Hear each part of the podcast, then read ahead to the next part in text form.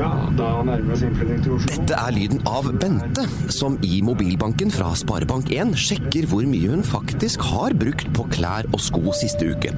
På flyet på vei hjem fra venninnetur i Paris med litt for mye bobler til lunsj. Hver dag.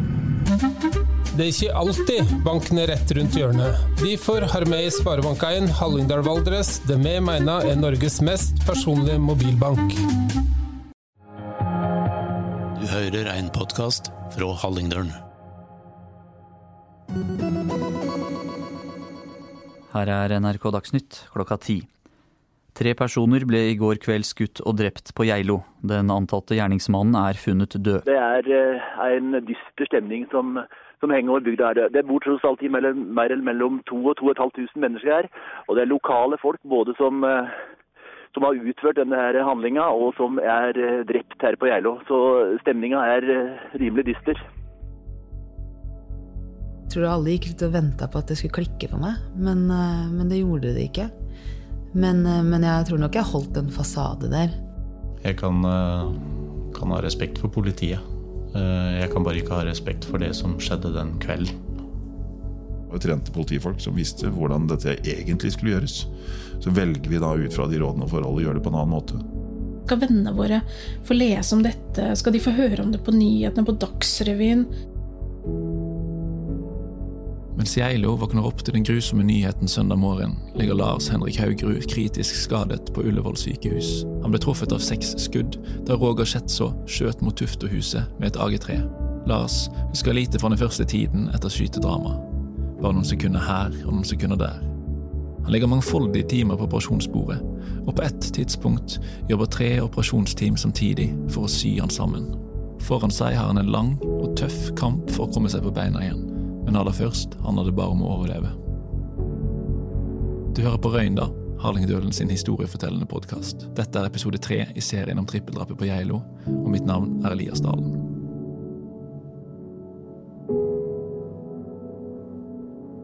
Samtidig som Lars ligger på sykehus, er flere av ungdommene som befant seg i Tuftehuset under skytingen, samlet på Highland Hotel i Geilo sentrum.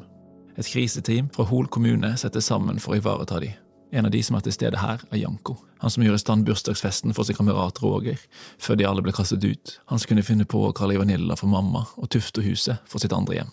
På Highland finner ungdommene støtte i hverandre, og i vennene som har brukt natta på å kjøre til Geilo. Og der var vi mange, og der var vi lenge. Vi, vi kunne være der. Og det kom jo venner av oss fra alle kanter av Norge for å være sammen med oss. Rogers foreldre befinner seg på en fjellstue i nabokommunen Nore og Uvdal. Snart skal de få besøk av en prest og en politipatrulje fra Kongsberg. Men Janko husker godt en telefonsamtale med Roger sin far søndag morgen. Eh, tok jeg telefonen, og så forklarte jeg han alt, for han hadde jo hørt, hørt på radioen at det hadde vært en episode på Geilo. Og det første han tenkte på, var jo oss. Eh, så jeg måtte jo da forklare faren hans om hva sønnen hans hadde gjort. Det knuste jo meg når det var jeg som måtte fortelle at eh, Roger hadde gjort det, og at han hadde tatt sitt eget liv. Så jeg hadde, hadde det veldig tøft etter den samtalen der. Sånn, da, det var vel da jeg faktisk første gangen gråt etter episoden. Jeg pleier liksom ikke å være den personen som gråter lett, egentlig. Sånn sett. Men da knakk jeg helt i sammen. Det var helt forferdelig. 19 år gamle Nadia Homid, som kjempet i nesten halvannen time for å redde kameraten Lars sitt liv, kommer hjem til foreldrene sine for første gang siden hendelsen. Og da jeg kom hjem, så sov mamma og pappa en, enda. Og det var jeg liksom litt glad for, fordi jeg visste at hvis jeg møtte mamma og pappa, så knakk jeg. Og jeg hadde ikke lyst til å knekke. Jeg hadde ikke lyst For jeg følte meg ikke som noe offer. Jeg følte nesten egentlig ikke at jeg hadde rett til å gråte. Så jeg husker jeg gikk inn på vaskerommet og kledde av meg alle de blodige klærne. eh, Og tenkte at her må jeg hjemme før mamma ser de. Og så gikk jeg opp og la meg. Og ikke lenge etter så fikk jeg melding av Dag. Er du, får du sove? Så sa jeg nei. Han bare Jeg kommer og henter deg med en gang. I tillegg til Dag har flere fra den utvida vennekretsen kjørt til Geilo i løpet av natten. en av dem er Nadias storebror. Og så kom Dag og henta meg, og så dro vi på det hotellrommet og, og var sammen der, alle sammen, da. Og så kom broren min, alle alle gutta fra Oslo hadde satt seg i forskjellige biler og kjørt med en gang de hadde fått meldingen, så de kom også da i løpet av natten. Og det var så vondt å se broren min. Han hadde på seg et, et, genser. Kunne ikke se ansiktet hans, han bare så ned, og jeg bare Jeg fikk så vondt av han, for jeg følte at han hadde, hadde dårlig samvittighet for at han hadde At det var han som hadde fått meg inn i den gjengen. Og plutselig så hadde jeg blitt utsatt for dette her. Samtidig så hadde han mistet en god venn. En slags familie for han. Det bare var, bare så vondt. Han bare gråt og gråt og gråt. På Highland er det særlig én av vennene Janko tenker ekstra mye på. Kameraten Erling David har mistet en bror, en mamma og en pappa. Og personen som fyrte av skuddene, var en god venn. Vi, vi prøvde å være der for han. Prosessere hele, hele den kvelden. Og prøve å lære å leve med dette her. Når det blei for mye, så holdt vi rundt hverandre, rett og slett. Få det ut. Vi prater om dette her. Vi må bli ferdig med dette her, liksom. Mens de er samlet på Highland, får de beskjeden om at Roger er funnet, og at han har tatt sitt eget liv. Janko husker reaksjonene i rommet. Da var vi jo forbanna, egentlig, på Roger Allemann. Og jeg sa vel ikke noe, men jeg husker jo reaksjonen på alle sammen, for da var jo mange der. Det var jo både foreldre og støtteapparat og venner og, og alle oss som var i huset. Det er faen meg bra. Jeg sa ingenting, men jeg tenkte egentlig akkurat det samme sjøl. Tenker tilbake på det nå, så er jo ikke det man skal tenke om et annet menneske, egentlig. Så, men ja. Det var det han tenkte.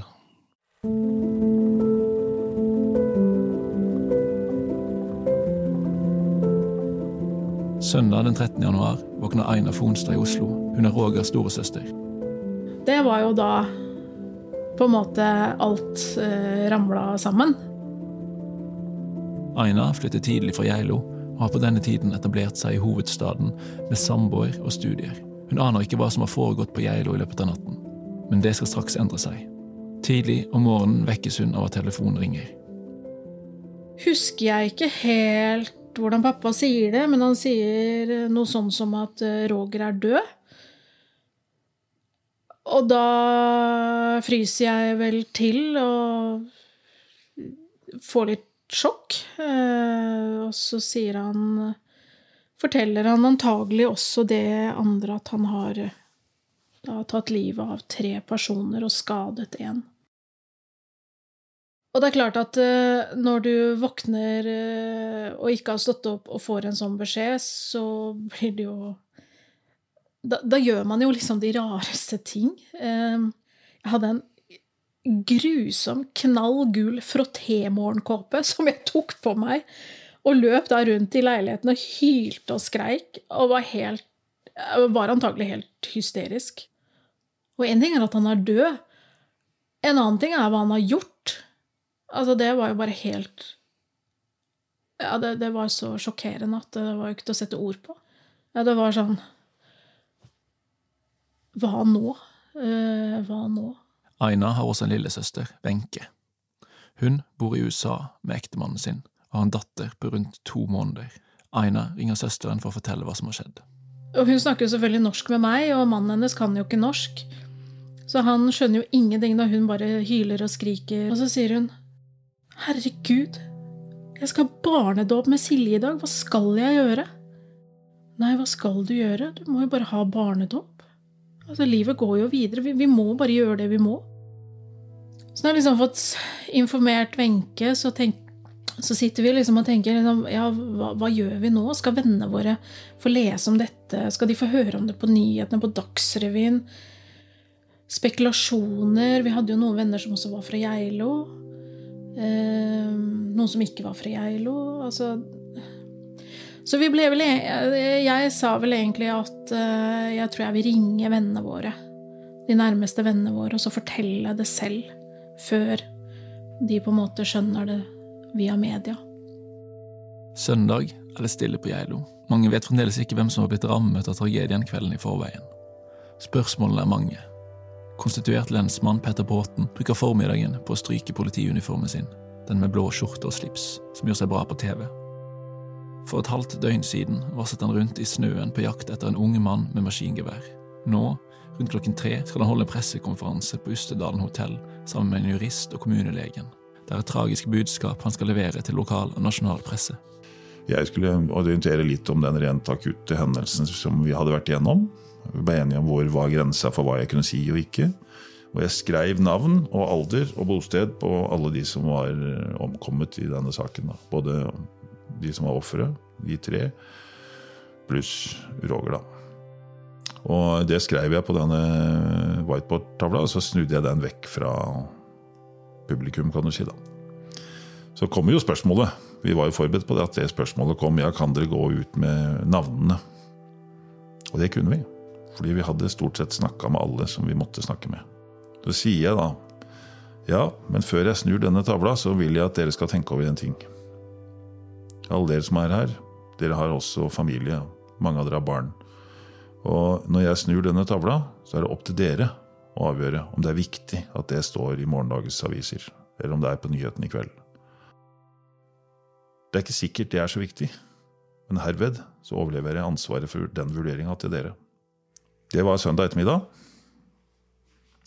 Den eneste plassen jeg fant noe som helst av navn, det var i en liten rubrikk øverst i et hjørne i den kjære lokalavisa Hallingdølen. Utover det så var det ingen norske medier som hadde gjengitt navnene.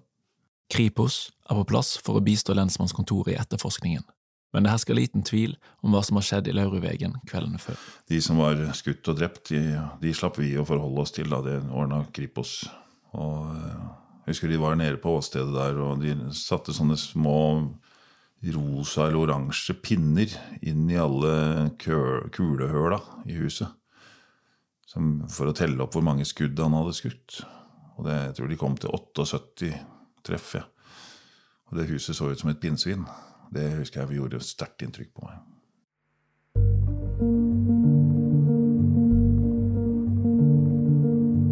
Ved åstedet tenner geidingene lys og legger ned blomster for å minnes de døde. Der ligger det også en plakat som overrasker Petter. Allerede samme kvelden, altså på søndag kveld, så blei jo området der nede sperra av ganske vidt omkring. Eh, men da, da, var det tent masse lys og masse blomster osv., og, så videre, og så sto det uh, på en lapp her er ingen fiender, bare våre venner. Så de, eh, altså, Ungdommene de tilga jo Roger på et veldig tidlig tidspunkt. Hvilket for meg var ganske vanskelig å akseptere og ganske vanskelig å forstå. Men det gjorde de altså. For Petter er det bare én ung mann som har ansvaret for det grusomme som skjedde denne natten. Allikevel opplever han at få prater om dette i tiden etterpå. Eh, jeg har jo et inntrykk av at det kanskje var eh, sånn at vi, vi ble offer for eh, mye av frustrasjonen, på en måte. At vi ble på en måte den, den, det stedet, den klagemuren og den, den, den, plassen hvor frustrasjon, sinne, sorg kunne utløses mot. da. Mens Roger, som var død, han var jo vanskelig å angripe. Fordi jeg har jobba såpass mye med mange vanskelige saker og traumatiske hendelser, har forståelse for. da. At det er et eller annet sted som, så må denne sinneperioden, denne sorgperioden og denne frustrasjonsperioden alle, alle, må finne et sted å løse dette ut mot. Og um, ja, så blei vi da, politiet, og kanskje i særdeleshet jeg, vi, da, da blei det sånn at jeg måtte ta, ta det ansvaret, da. Å være den skyllebøtta og få denne kritikken. Selv om rent sånn faktisk så mener jeg at de, de henvendte seg til feil sted. De hadde ikke noe annet sted. Media begynner raskt å stille kritiske spørsmål til politiet sin innsats. Tirsdagen etter drapene skriver annet Hallingdølen at Petter Bråten ba om alle tilgjengelige ressurser til Geilo da drapsalarmen gikk. Men nærmeste lensmannskontor, i Ål, ble aldri varslet. En mulig forklaring skal være at nye datasystemer ikke fungerte slik de skulle. Selve koordineringen av aksjonen foregikk fra Nordre Buskerud politidistrikt sitt hovedkontor i Hønefoss. Harlingdølen skriver også at mannskapsmangel var en av hovedgrunnene til at politiet måtte vente så lenge med å ta seg inn i huset der Lars lå og kjempet for livet. Flere av ungdommene i huset var også kritiske til nødetatene sin innsats. Fra den første meldingen kom til de ble evakuert fra huset, tok det i underkant av halvannen time. Store deler av denne tiden befant det seg politibetjenter på utsiden av huset. Janko var en av dem som kjente på mye sinne og frustrasjon i tiden etterpå. Han som forskanset seg på et soverom i kjelleren sammen med Pernille, Erling David og et åtte år gammelt barn. For meg som et offer i en sak, da, så tenker jeg mer eller mindre på det at eh, altså, er man, er man en sjåfør, så drar du på jobb for å kjøre. Er man eh, politi, så drar du på jobb for å beskytte. Så det er jo egentlig det det handler om for meg. De var politi, jeg var et offer. Eh, dem hadde en jobb å gjøre, dem gjorde ikke den. Sånn som jeg ville at de skulle gjøre den jobben der og da. Jeg kan, eh, kan ha respekt for politiet. Eh, jeg kan bare ikke ha respekt for det som skjedde den kvelden. Det kom aldri til å skje. Så det var feighet, føler jeg. Det er et kraftig ord å bruke akkurat om den situasjonen der, men det er fortsatt min tanke den dag i dag. Det var mange mennesker involvert da ungdommene begynte å ringe nødnummeret mens de gjemte seg i kjelleren. AMK-sentralen, ambulansepersonell, Nordre Buskerud politidistrikt og fire lokale politibetjenter. Men for Janko var det Petter Bråten som ble ansiktet utad for nødetatene sin innsats denne kvelden. Ja, jeg la min skyld på Petter Bråten. Det gjorde jeg. Og det var jo ikke bare han, men det var han det gikk utover. Man føler seg ganske hjelpeløs i en sånn situasjon, og når man da ser mennesker som er kledd ut for å gå ut i strid,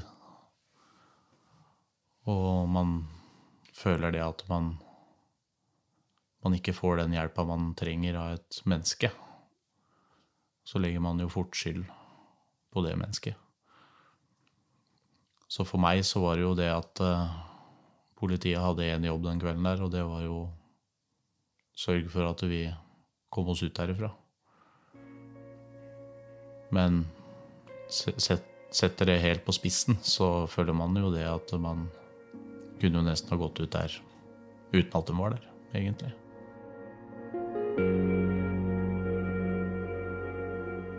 Janko forteller at han var på lensmannskontoret for å prate med Petter Bråten kort tid etter drapene. Jeg tror ikke vi gjorde ferdig det avhøret engang, fordi at jeg blei så sint på Bråten. Det mot politiet, det, det, er vel det som hang igjen mest, pga. det at det var For meg så var det en så ekstremt svikt som endte opp med å gå utover meg. Eh, egoistisk sett, da.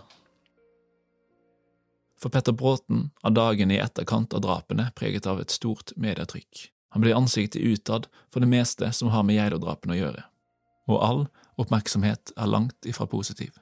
Før forsterkningene kom, var kun Geilo-politiet utenfor huset i Lauruvegen. De mistenkte at Roger var på frifot, med et våpen som var totalt overlegent det de selv bar. Tenk om han hadde gjemt seg i området i påvente av at en evakuering skulle begynne. Petter visste at jo flere betjenter som tok seg inn i huset, desto færre ville være på utsiden til å håndtere en ny eventuell skuddsalve. Vi hadde fått eh, masse tilbakemelding fra både AMK og operasjonssentralen om at det, nå, det var ikke noe god stemning i kjelleren. De var redde, de ville ut, de ville vekk.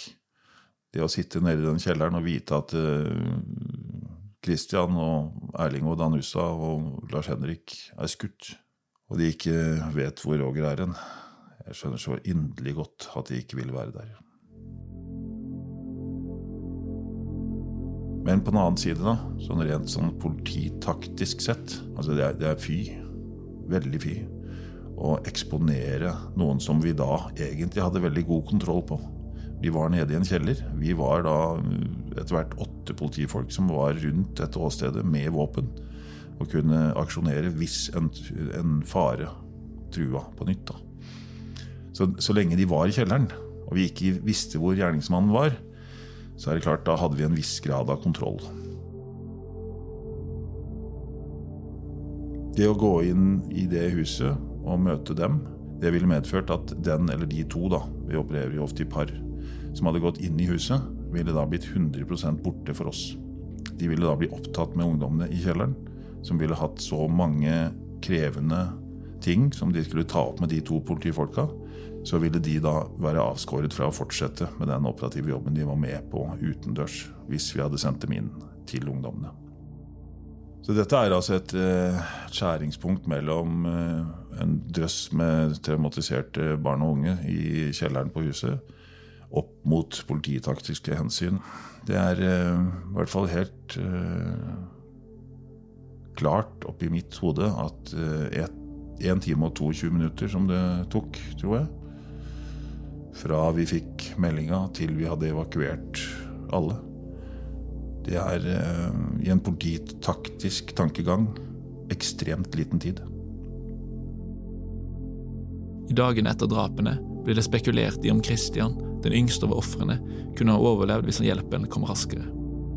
Ryktene sprer seg blant venner og i nasjonale medier. Nadia Homid, 19-åringen som var tett på hendelsen, går med på å fortelle sin historie i media. Og media var den gangen villige til å betale godt et eksklusivt intervju med VG som vi skulle få da 10 000 kroners tipset som de annonserte med. Eh, hvis vi ga dem deres historie, at de skulle få trykke det først. Og det sa vi jo ja til, for vi ville jo gjerne gi de pengene til Erling som var igjen. Men om jeg var klar for noe intervju akkurat der, det vet jeg ikke. Men jeg husker i hvert fall at jeg satt på et hotellrom på Dr. Holmes og skulle gjenfortelle det som skjedde. Og jeg hadde ikke sovet eh, på over et døgn. Vi var jo liksom bare mer sånn Hva kunne vi gjort annerledes? Hva kunne vi gjort for at dette skulle gå bedre? Og kunne man gjort noe for å redde Christian? Det var det som var fokuset vårt. Er det noe som kunne gjort annerledes, så at han kunne blitt redda? Eh, så det var jo litt mer det, derfor vi ville gå litt ut i media. Og ja, hvem, hvem, skal vi skylde på her? på en måte? Det er egentlig ikke noen å skylde på i denne situasjonen her. Men um, vi ville bare ha en klarhet i hvorfor det tok så lang tid. Senere skal obduksjonsrapporten fra Rettsmedisinsk institutt i Oslo slå fast at Christian trolig ikke ville overlevd skadene, uansett om han hadde fått rask behandling. Lars derimot ligger på Ullevål sykehus og kjemper for livet. Han ble truffet av seks skudd da Roger åpnet til. Nadia satt ved hans side og utførte førstehjelp helt til ambulansepersonell tok seg inn i huset. Hun tenker mye på Lars sin tilstand de første dagene etterpå. Men det, var, det, viktigste for meg var bare at han ikke døde. Så jeg var veldig opptatt av å holde meg oppdatert, at det, det gikk framover. For det blir jo mer sånn, Da kan man jo kanskje enda mer dvelle på var det noe annet jeg kunne gjort. Kunne jeg skrike mer at de skulle komme enda kjappere inn? Eller kunne jeg ja, gjort noe annerledes, da? Få dager etter hendelsen kommer en forespørsel om å delta i Tabloid, et debattprogram på TV 2 ledet av Pål T. Jørgensen. Der møter Nadia Arne Johannessen, daværende leder i Politiets Fellesforbund. Og da var vi usikre på hva vi skulle gjøre, men vi var så sinte. Og det var nok mye sorg bak den, det sinnet der. Eh, men det ville vi gjøre. Og alle støtta meg. Hvis jeg, hvis jeg, var klar for det, så var det var alle enstemmige at det skulle vi gjøre, da. Og det er jo også litt derfor at vi Ok, men nå Jeg tar det intervjuet, for da kan jeg snakke til alle på samme tid. En av de som befant seg inne i boligen da skuddramaet fant sted, var 19 år gamle Nadia Homid. Og tror jeg var litt sånn Wow, hvilken situasjon jeg satt meg i nå. Eh, men jeg kunne bare argumentere ut ifra hva jeg hadde vært med på. Og jeg var jo skråsikker på det. Og min følelse av urettferdighet den var ganske høy. Hvordan var det å sitte der med en skadet mann og ikke få hjelp, og ikke, at politiet ikke kom? Det var veldig frustrerende. Det var det. Fordi eh, jeg visste ikke hvordan jeg skulle ta, håndtere de tre som lå i gangen. Jeg tror ikke jeg hadde så veldig mye politisk eh, tyngde å komme med i den diskusjonen der. Men, eh, men samtidig så er jeg stolt av meg selv at jeg turte det, da. For jeg visste jo det på forhånd, at jeg ikke hadde det. Eh, men jeg visste at jeg følte meg urettferdig behandla. Eh, og det syns jeg man skal få lov å si fra om. Hva er denne politiaksjonen til vurdering i Politidirektoratet? Men forstår du ungdommenes kritikk som er rettet mot politiet? Det er ikke vanskelig å skjønne frustrasjonen og den forferdelige følelsen som de hadde. Men uh, dette er dessverre slik som jeg tror uh, det ville vært situasjonen i de fleste landpolitidistrikt, altså i et lensmannsdistrikt. Politiet opplevde hele situasjonen fra et annet ståsted. Petter forteller at han skrev en lengre rapport til Politidirektoratet i etterkant av hendelsen. Etter å ha lest rapporten skal de ha konkludert med at det ikke var grunnlag for å granske de politioperative vurderingene og avgjørelsene som ble tatt denne natten. Ti dager etter at skuddene falt, skriver NRK at Hol lensmannskontor får full støtte av Politidirektoratet for sin håndtering av situasjonen. For lensmann Petter Bråten var det riktig å vente på forsterkninger, slik at de ville ha nok mannskap til å sikre åstedet mens en evakuering pågikk. Likevel forsto han på et tidspunkt at Lars Henrik Haugerud sitt liv var i fare. Uten å vite hvor Roger var, bestemte Petter seg for å evakuere Lars. Jeg fikk i hvert fall en opplevelse av at det haster. Nå må vi få han ut derifra, ellers så dør han. Det gjør sitt til at jeg velger å ta fram ambulansen, til tross for at området ikke er sikkert. Men det er sikra. Og eh, når det går bra, så er det på en måte katalysatoren som gjør at jeg tenker ok, det skjedde ikke noe da. Da er sjansen for at det skjer noe når vi evakuerer ungdommene i kjelleren, også liten. Så liten at vi velger å gjøre det. Jeg valgte å gjøre det. Etter boka så eksponerer man ingen for en mulig trussel før trusselen er eliminert. Så Sånn sett så, så henger ikke dette på greip i forhold til politioperative instrukser. Jeg har spurt meg i mange år om min avgjørelse om å evakuere Lars Henrik Haugerud fra kjøkkenet eh, for å redde livet hans, var en, en riktig avgjørelse. Og sett med hans øyne så er det åpenbart det. Sett med et eh, polititaktisk syn så er det sannsynlig at veldig mange ville sagt at det ikke er en riktig avgjørelse. Fordi man ikke har kontroll på trusselen. Her kan det være relevant å nevne at Roger Schetså etter alt å dømme selv har snakket med nødetatene i tiden etter drapene. Ifølge Petter Bråten var Roger i lengre tid på tråden med AMK, hvor de skal ha forsøkt å snakke ham til fornuft før han tok sitt eget liv. Vitner på en nærliggende campingplass skal ha fortalt om en mann som har spasert fram og tilbake i snøen mens han røyket, med en telefon inntil øret. Kort tid etterpå har de hørt et smell. Ifølge Petter kom ikke den informasjonen fram før lenge etter hendelsen. Det var sterk kritikk mot oss da fordi det hadde tatt så lang tid før de ble evakuert. Da. Eh, men jeg husker også at eh, en svært operativ eh, politimann som tilhørte denne avdelingen som kom fra beredskapstroppen, han sa til meg du Petter, du kan ta det helt med ro. Det at noen mener at du ikke har gjort jobben din, eller har gjort jobben feil ved å, å bruke for lang tid på å evakuere folka. Det kan du bare drite i, sa han. Du burde vært avskjediget fra politiet for å ha gått inn for tidlig. Og ehm, det Ja, hvem vet om jeg hadde gjort det samme igjen, det, med den erfaringen jeg etter hvert fikk. Ehm, jeg vet ikke. Jeg vet ikke. I Oslo prøver Rogers eldste søster Aina å ta inn over seg hva som har skjedd. Hun bestemmer seg for å ta en pause fra studiene og reise hjem til foreldrene på Geilo. Hun forstår også at det vil bli spekulasjoner hvis hun plutselig forsvinner fra høyskolen etter at nyheten om trippeldrapet i hjembygda hennes sprer seg. Etter å ha pratet med en studieveileder bestemmer hun seg for å fortelle alt til hele kullet. Så står jeg foran der og forteller til alle sammen at Jeg tror jeg sa noe sånn som at ja, dere har kanskje sett hva som har skjedd i helgen på Geilo. Ja, det var min bror som gjorde det. Jeg skalv som et aspeløv. Jeg var så skjelven, og så skjelven i stemmen. Og så husker jeg sa at, uh, noe om at jeg kom til å bli borte litt fra skolen. Um, og at jeg håpte at de ikke gikk til media, uh, for det syns jeg ville vært veldig vanskelig. For det hadde vært utenfor min kontroll. Uh, pluss at når jeg kom tilbake, så ville jeg at de skulle behandle meg sånn som før. Aina setter kursen mot Hallingdal for å bli med på minnegudstjenesten som skal finne sted fire dager etter drapene. Første møte med mamma og pappa var jo når jeg kom til Geilo for å være med den minnestunden. Vi gråt alle tre. Um, Og det var veldig spesielt å se pappa gråte. Det var jeg ikke så vant til. Jeg husker vi var nede i kjelleren. Det var jo en del rot, etter hva jeg forsto. Og det var jo mye også grunnen til at vi ikke kunne Det var ingen av oss som hadde lyst til å sove i kjelleren, selv om det var jo soverom og bad og alt der nede. Så det var ingen av oss som hadde så veldig lyst til det.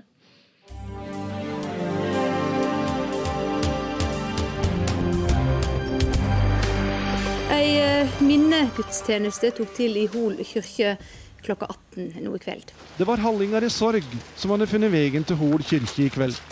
Fire liv har vi mistet. Fire som først og fremst og hver for seg var verdifulle mennesker. Verd å elske. Minnegudstjenesten fylte kirken denne kvelden. Fremst ved alteret sto fire hjerteformede blomsterkranser, side om side.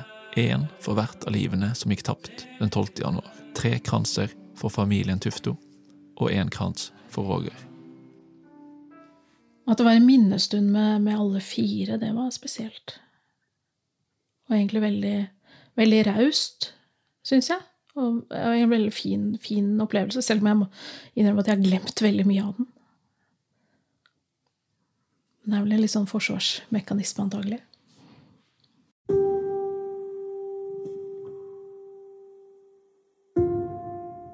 Måten alt Altså familiene, venner, samfunnet Altså alt, hvordan alt var etterpå, gjorde at ok, det er, det er trygt for oss søstre også å komme tilbake, liksom. For det kjente jeg litt på. At det Vil det bli liksom Skal jeg prøve å skygge banen? Skal man liksom prøve å late som man ikke er der? Hvor det, altså Men jeg tror jeg prøvde å egentlig være litt usynlig, på en måte. Som søsteren til en som kan utføre så grufulle handlinger. Synes jeg, det, jeg syns det var vanskelig sånn sett.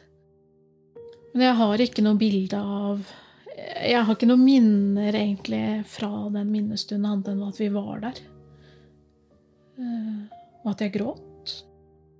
Søsteren Wenche, som bor i USA, må prøve å komme seg hjem til Rogers begravelse, men flyreisen er dyr.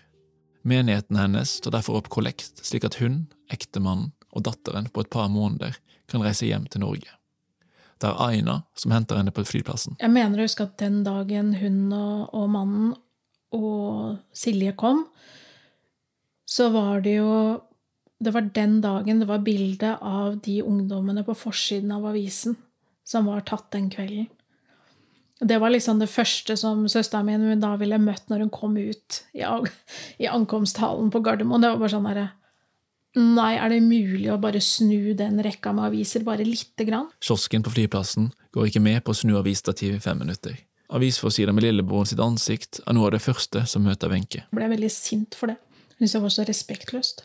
Men jeg husker at Wenche og jeg vi gråt veldig. Eh, det var veldig sterkt å møte henne. Ti dager har gått siden Geilo våknet opp til den grusomme nyheten om trippeldrapet i Lauvrudvegen. Det er onsdag 23. januar, og butikker i hele bygda stenger dørene.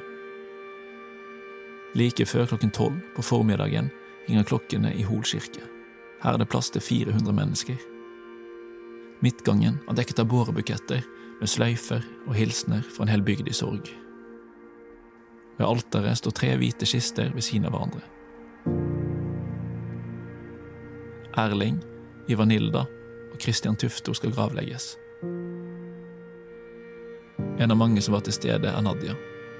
Dagene siden tragedien har gått med til å håndtere utallige telefoner, mediehenvendelser og sykehusbesøk. Jeg tror alle gikk litt og venta på at det skulle klikke for meg, men, eh, men det gjorde det ikke. Men, eh, men, jeg tror nok jeg holdt en fasade der. Eh, for det var veldig tydelig når det var begravelse. Da var det en som gråt veldig, veldig høyt, og det var meg. Men jeg tror jeg gråt fra det jeg kom inn i den kirka til jeg gikk ut. Så jeg, jeg tror jeg bare sørga over sjokket og alt som Ja. Og hvor trist det var, liksom. At en hel familie hadde blitt drept. Og at jeg huska jo moren og tenkte på Erling og Kristian, som jeg nettopp hadde vært sammen med. Så utrolig urettferdig, liksom. Det bare Og så AG3. De hadde ikke sjans til å overleve. Nei, det var bare helt overveldende trist.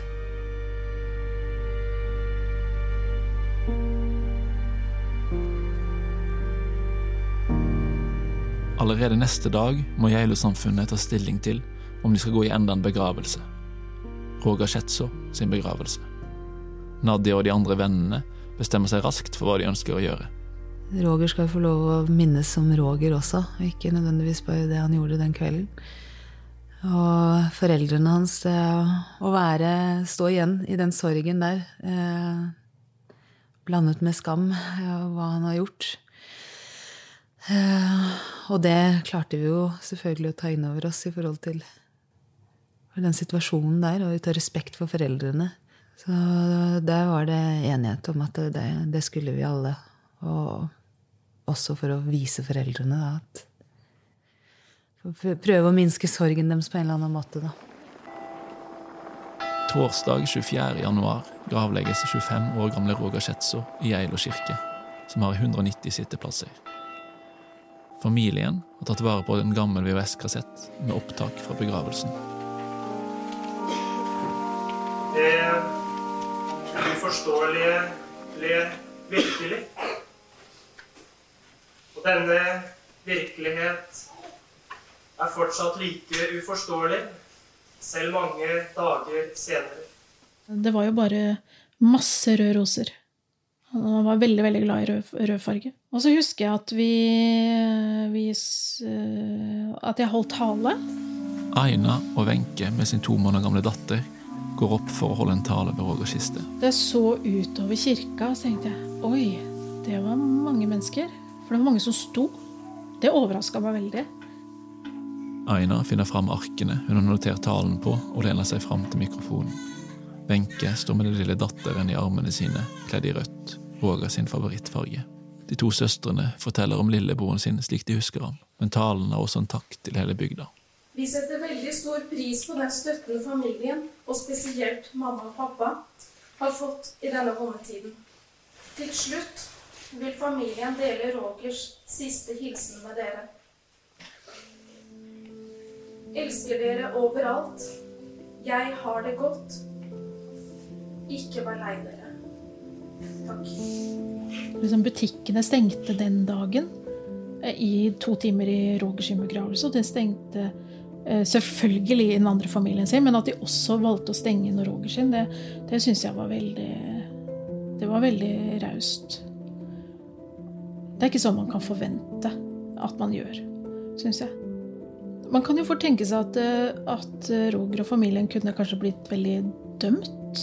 Men det opplevdes ikke sånn. Eh, min opplevelse er at det at det var så mange i kirka, og som også sto utenfor, visstnok, at det, det vitner om at folk ønsket å vise medfølelse og omsorg i en utrolig vanskelig situasjon for veldig mange. For dette ramma jo ikke bare familiene, ramma jo et helt lite bygdesamfunn.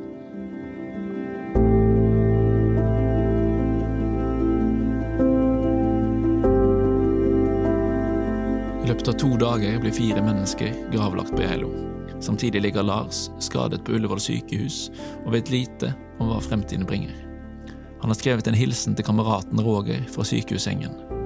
Det er søsteren til Lars som får i oppgave å lese denne. Roger, jeg vil at du skal vite at du var en veldig god venn. Ville gjerne vært her selv i dag og sagt det til deg, Roger. Beklager at jeg ikke kunne komme. Men legene nekta meg. Det er eneste grunn til at jeg ikke er her i dag. Det var jo mange mennesker der. Men jeg følte jo at jeg måtte jo dra dit sjøl. Kameraten Janko er også til stede. Men jeg hadde nok sikkert tenkt helt annerledes hadde det vært min familie det hadde omhandla rundt det her. Men eh, for meg personlig så var ikke det jeg brydde meg om når jeg dro i begravelsen. For meg så tenkte jeg at jeg mista en av våre. Og ikke minst for familien. Da. Han går opp i midtgangen og stopper ved den fremste kirkebenken. Høyreist og bredskuldret legger han armene rundt Rogers mor og gir henne en klem. Så tar han plass ved den rosedekte kisten. Posteludiet fyller kirken idet seks unge menn bærer kameraten sin til graven. På vei til sitt siste hvilested er Roger Schetzo omkranset av venner. Jeg husker bare at jeg viste min tilstedeværelse, og jeg var der under hele seremonien, men eh, man satt jo kun og tenkte på én ting. Hvorfor?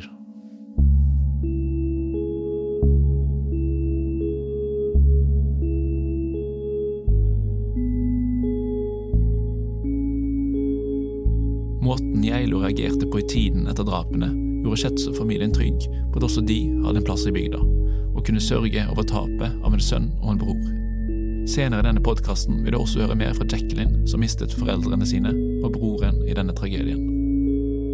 Men først vil vi ta deg gjennom Lars sin kamp for å ta tilbake hverdagen. Jeg kom vel så vidt inn på skolen, for jeg følte at det her er Det her er jeg ikke klar for.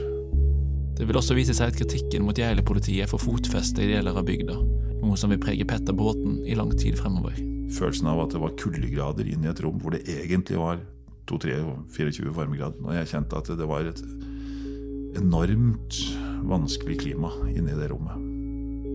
Du har hørt episode tre av fem i serien om trippeldrapet på Geilo. Denne podkasten er laget av meg, Elias Dalen, og journalist Anna Huseby, og er en del av Røynda, Hallingdølens historiefortellende podkast.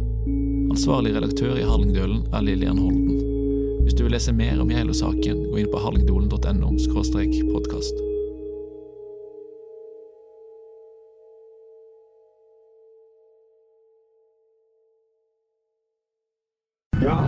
Dette er lyden av Bente, som i mobilbanken fra Sparebank1 sjekker hvor mye hun faktisk har brukt på klær og sko siste uke. På flyet på vei hjem fra venninnetur i Paris med litt for mye bobler til lunsj. Hver dag. Det er ikke alltid banken er rett rundt hjørnet. Derfor har vi i Sparebank1 Hallingdal Valdres det vi mener er Norges mest personlige mobilbank.